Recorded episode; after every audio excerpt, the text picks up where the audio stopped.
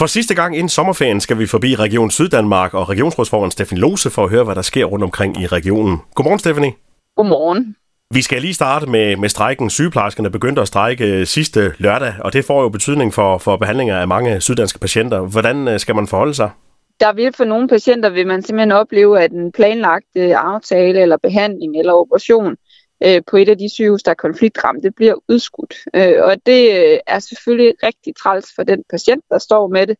Øh, men det er også vigtigt for mig at sige, at der bliver lavet en vurdering af, hvem der sådan sundhedsfagligt og, og ud fra en lægefaglig vurdering kan tåle at blive udskudt, selvom det er rigtig træls.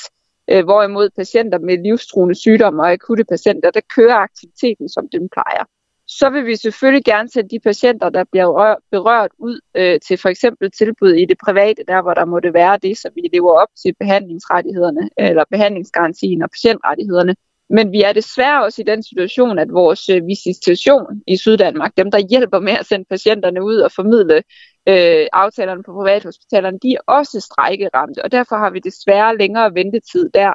Øh, og det er en konsekvens af konflikten, som vi ikke rigtig kan gøre noget ved. Så, så man vil mærke det øh, som patient, der bliver berørt.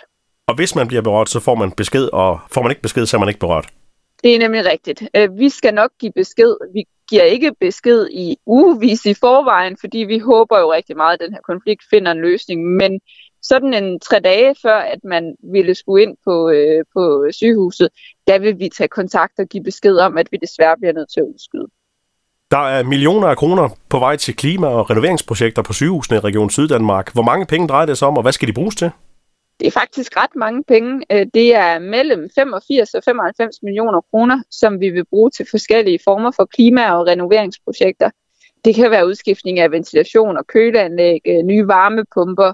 Men hvis man bliver i det sønderjyske, så vil man for eksempel på Sygehus Sønderland i Åben Rå og Sønderborg øh, gå i gang med at udskifte ventilationsanlægget på operationsstuerne og i teknikrummet, og det koster isoleret set 18 millioner kroner, øh, og det er også, vi gør det jo også, fordi det er tiltrængt.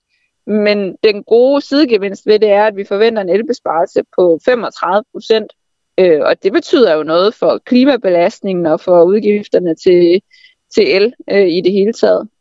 Og så er der øh, kommet styr på ventetiden på et område, hvor man øh, begynder at barbere listen længere og længere ned. Hvor er det? Det handler om høreområdet. Øh, der er rigtig mange, der øh, hver eneste år får udleveret høreapparater, fordi de har problemer med hørelsen. Og vi har haft øh, perioder her i Syddanmark, hvor vi har haft meget lange ventetider. I 18 da, i 2018, der vent, kunne man faktisk vente nogle gange flere år på at få en tid øh, på at øh, komme ind og få sit høreapparat. Og, øh, og så har vi vedtaget en handleplan i regionsrådet, som skulle nedbringe ventetiderne og øh, genereret rigtig meget ekstra aktivitet. Øh, så, øh, så nu er vi faktisk nede på mellem 2 og 16 uger ventetid, afhængig af, hvor i regionen der er tale om det. Og vi giver også de borgere, der bor i de dele af regionen, hvor der kan være længere ventetid, der giver vi også et tilbud om at blive omvisiteret til behandling på vores høreklinik i Sønderborg, hvor man så hele tiden vil kunne tilbyde lave ventetider. Og her til sidst, der skal vi også lige runde hjerteløbordningen, som jo har kørt et års tid i Region Syddanmark. Hvordan er det gået? Det er gået rigtig godt, og jeg synes faktisk, det er helt oplagt at vende i kølvandet på den situation, som jeg tror har berørt rigtig mange danskere rigtig meget, nemlig da vi så at Christian Eriksen falde om på banen øh, i kampen mod Finland. Øh, det har givet rigtig meget opmærksomhed på, på, hvad livreddende førstehjælp betyder. Og derfor har vi faktisk oplevet, at der er rigtig mange borgere, der har henvendt sig og tilmeldt sig hjerteløberordningen. Og vi er helt op på 17.250 øh, syddanskere, der har tilmeldt sig hjerteløbeordningen og er klar til at løbe, når appen begynder at bippe på deres telefon og være med til at komme ud og redde liv, når der er nogen, der har fået hjertestop. Lidt om, hvad der sker i Region Syddanmark. Hvad med sommerferien? Står det stille, eller sker der stadigvæk ting og sager?